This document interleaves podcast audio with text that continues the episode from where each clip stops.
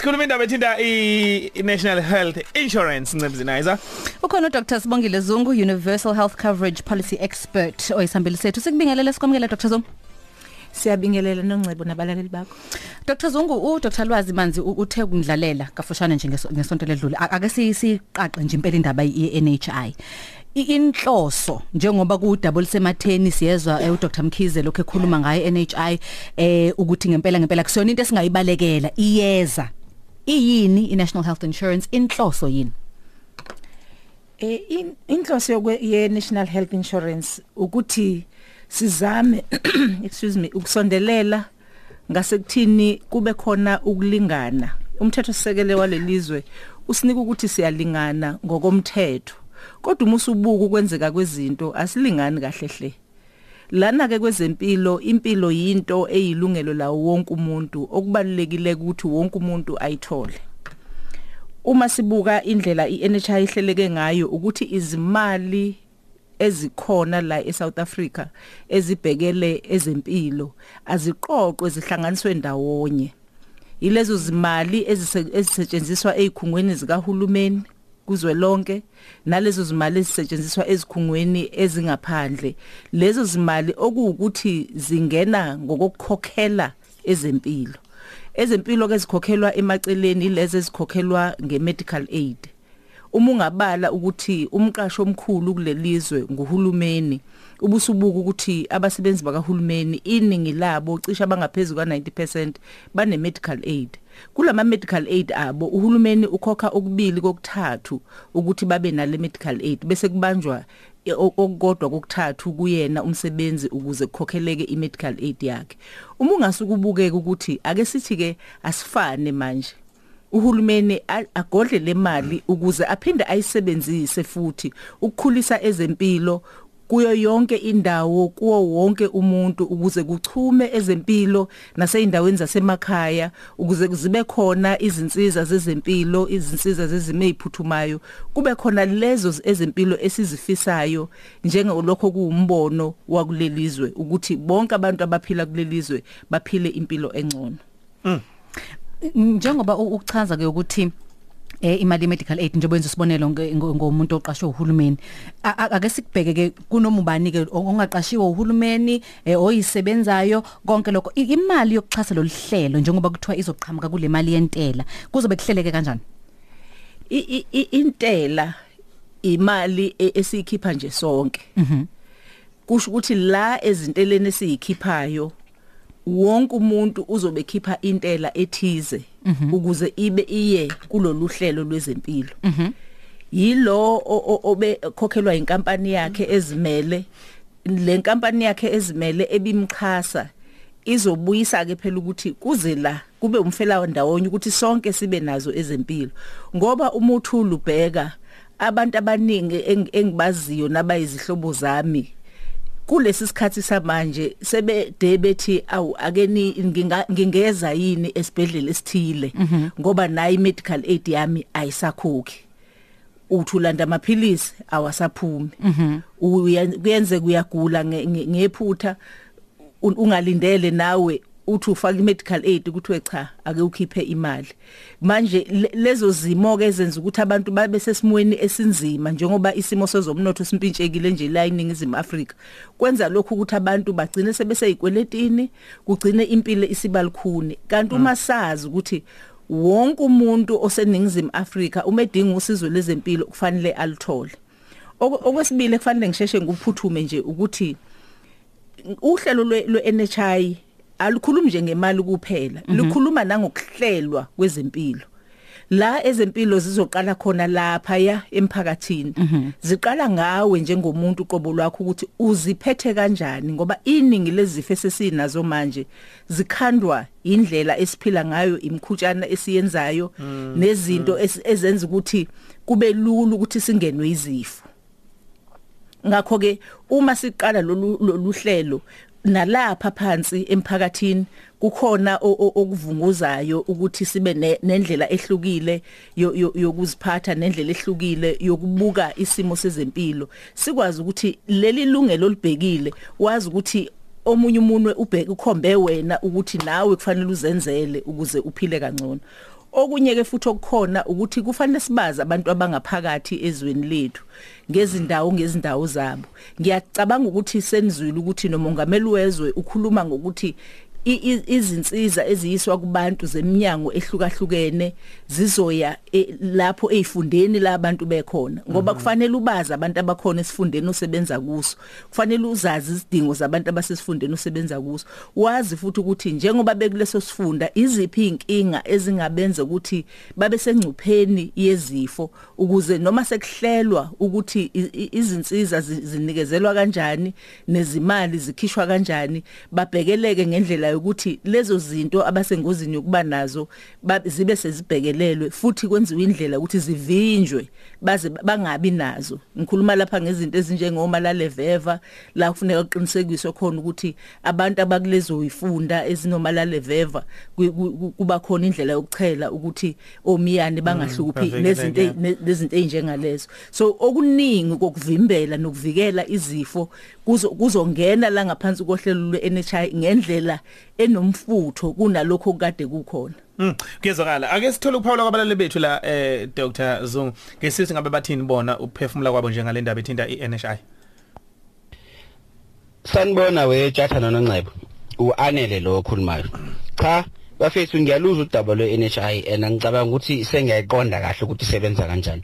Kepha nginombuzo la ngoba ngicabanga ukuthi mina ngisebenza e- embuthweni wozokuvikela kodwa ngicabanga ukuthi i-NHI le thina ayikakachazi kahle ngathi ukuthi isibekaphi noma isibeka ngaphandleni noma siyingxenye yayo.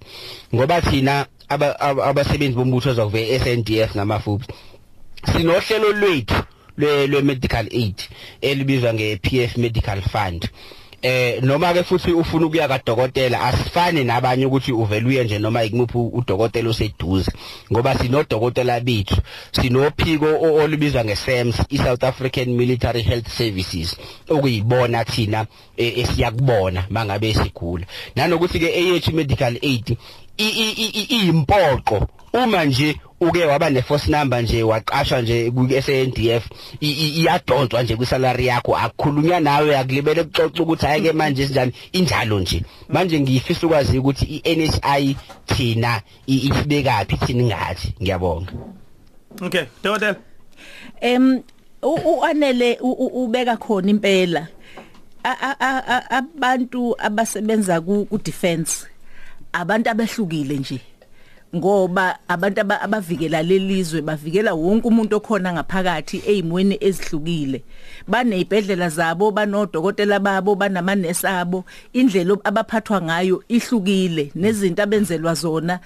Zihlukile ngoba izinto abazenzayo benzela izwe zihlukile Yeah. bakhishwa noma ingasiphi isikhathi kuyobhekela izimo e- e- ephuthumayo. nakwamanye amazwe bona nalabo abasebenza ngaphansi kwe state security agency abekho ngaphansi ku- kuka NHI ngoba babantu aba- abathe ukwehluka ongeke ubahlanganise kakhulu nabantu nje aba- aba- abanjengami nawe ngo- ngokwesimo somsebenzi abawenzayo ne- nenhlelo zabo zihlukile ngoba kufanele babekeke ngendlela ethile ukuze bangabi nobungozi ngenxa yomsebenzi abawenzayo Mm.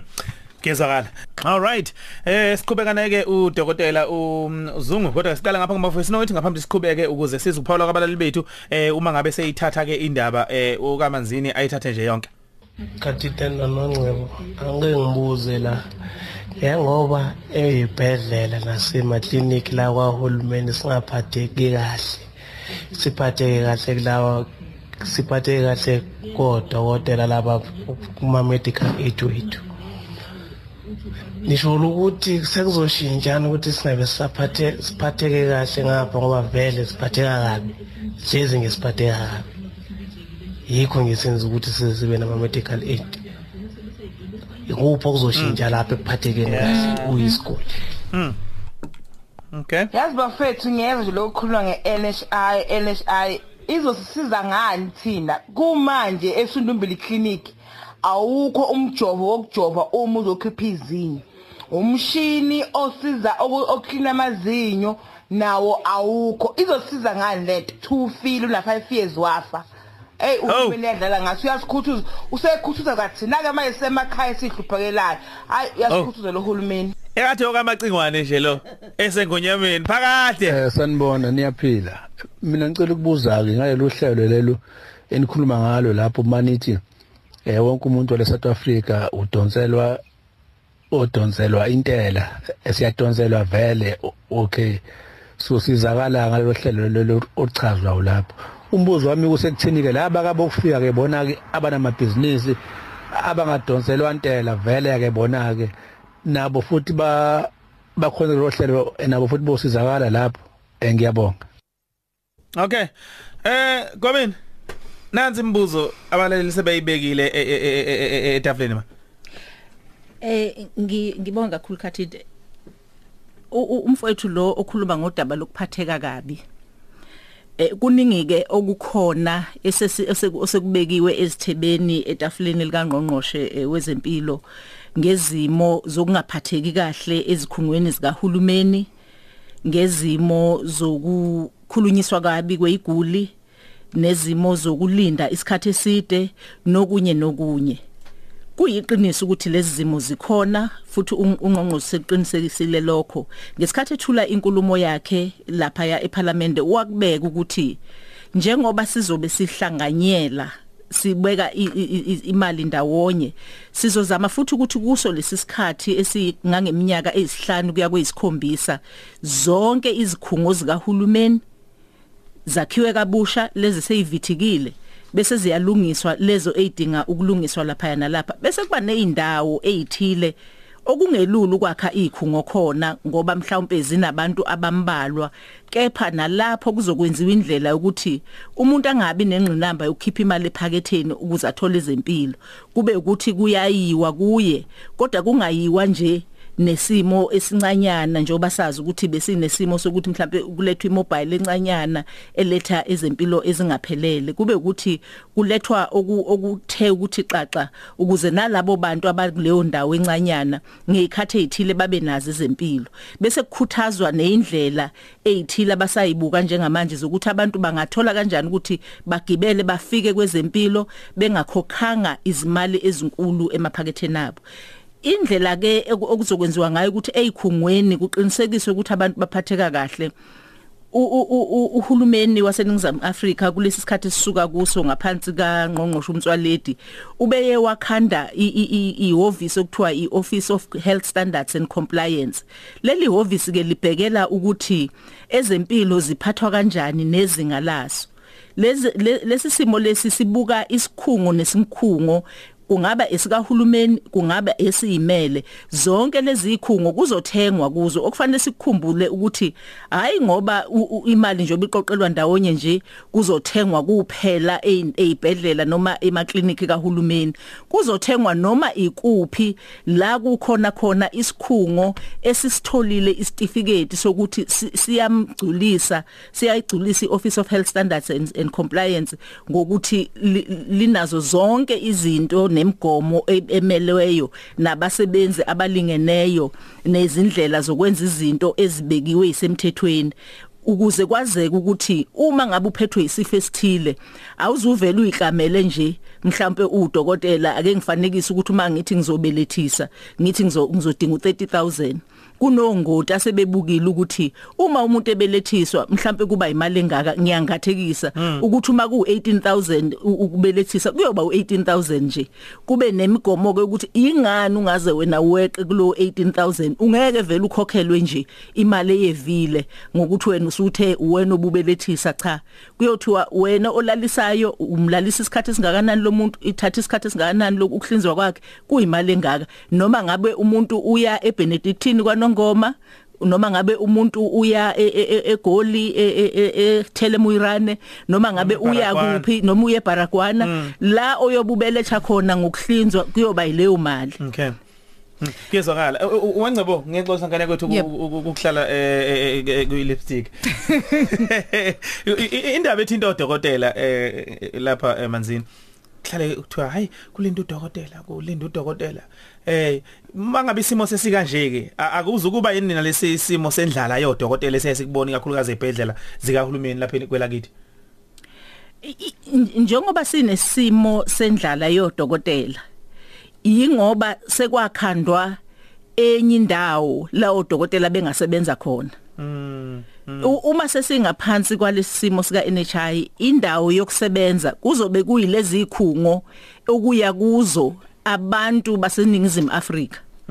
Noma isiphi isikhungo sinabo labo dokotela abakhona siyobe sizoba na na, na si, ungaya kuso wena njengotshata ungaya noma ikusiphi. Okay.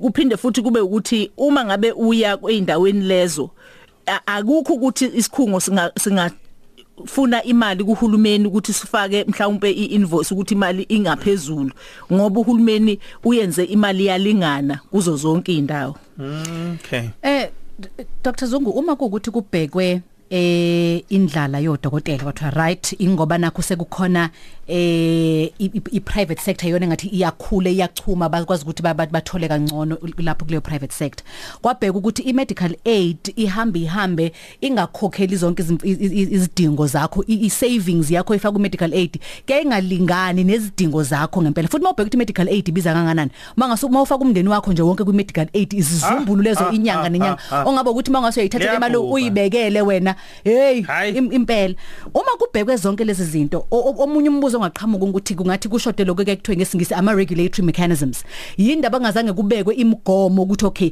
medical aid uma umuntu efaka imali engaka shuthi lokho ku- ku- lokho masibheka thina ukuthi imithi fanele ngabe ibiza imali engaka akufanele ngabe kulowo muntu kuzothi ezinyangeni ezimbili ezintathu kuthiwa ama savings akhe asephelile asephelile mm. uma kubhekwa udokotela uma kwaziwa ukuthi uma kakade kwaziwa ukuthi kubelethisa ku 500 rand kwenze kwenzeka kanjani ukuthi bavunyelwe odokotela abanye ba ba charge o 18000 rand o 20000 rand. Ngoba sengathi ku- lukhona lolo lwazi vele ni- niliphethe lokuthi fanele ngabe kuyimali engaka. Kuvunyelana ngoba lokho ku- ku- ikona lokho lokho kudala ukuthi i medical aid ne ne- nemali ebizwa udokotela ufike nje udokotela athi i am out of medical aid rates you will need to buy pay the balance. Zibekwa. Kubukeka sengathi kushoda lento yokuregulate ngempela ngempela ukuthi kuvunywa kanjani ukuthi kuze kufike lapho. U- u- u- uyabona ke nongcebo u- uyithinta la imi ngakhona ngoba uthi umuntu uyongena nje lapho. Uhulumeni umethu uyasondela nje lapho. Kuthiwe awu nje manje kuhulumeni usezothinta amalungelo o- odokotela nama- namalungelo ezifundiswa zonke zezempilo ngoba manje usefuna ukuzongenelela nalabe sebenza khona ukuthi a- asho ukuthi makube imalini kuye kwazama ke phambilini ukuthi kubekwe imali okuthiwa nansi imali ama prescribed minimum benefits ukuthi iyona mali le ekuzoba imali ibizwa kodwa ke base beyikhandela indlela ngoba umthetho nomthetho uyuthi umubuka ubuka ubuka kade kiswa nezinkantolo ngalolu daba. Libe khona iphuzwana ongachusha kulo. Baphume lapho bese bethi hayi bona ba outside lawo ma rates. Make umuntu ese outside lawo ma rates i medical aid yakho ifike ikhokhe le mali lesemthethweni bese kuthiwa ke wena ke nongcebo ngokwakho khipha lenenye lokho kuthiwa i co-payment ubuso ukhokha ke futhi leyo mali ngaphezulu ekubeni inyanga nenyanga uyayikhipha Hey. imali ngapha ke uhulumeni uthi cha asiqoqe le mali sibeke la.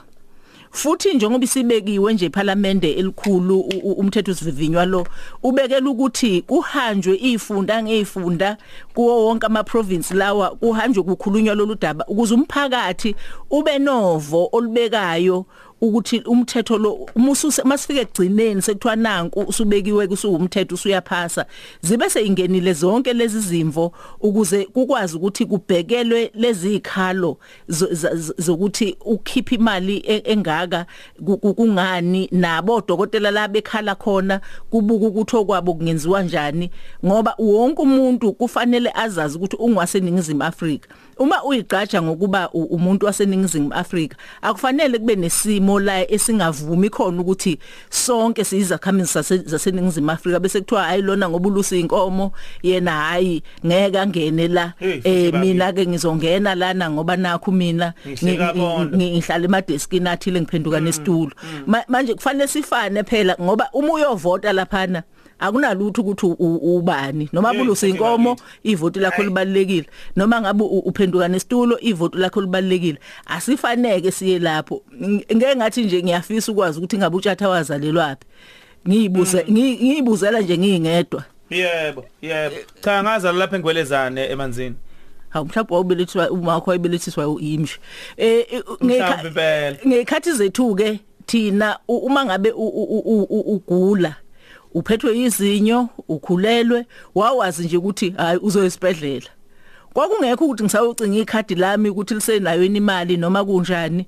Wawuyela nje esibhedlela uthi uma ufika lapha esibhedlela oh ulana wena no no- nomuntu okusiza endlini mhlawumbe naye udadewabo nangu yalapha ya eh ninonke nje. Mina njengami nje njoba ngudokotela ngabelethela khona la eKing Edward.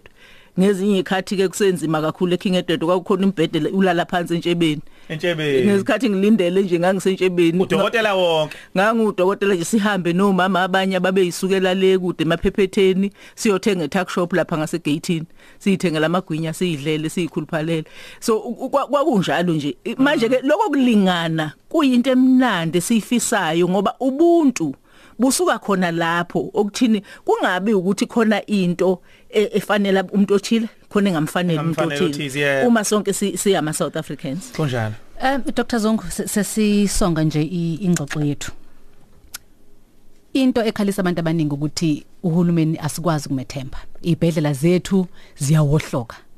Amanesi awasiphathi kahle. Odokotela eh kuthiwa bayashoda. Bayashoda. Sihlale eKZN eh im- i- imishini yeoncology iminyaka ku- ku- ku- kunenkinga nje.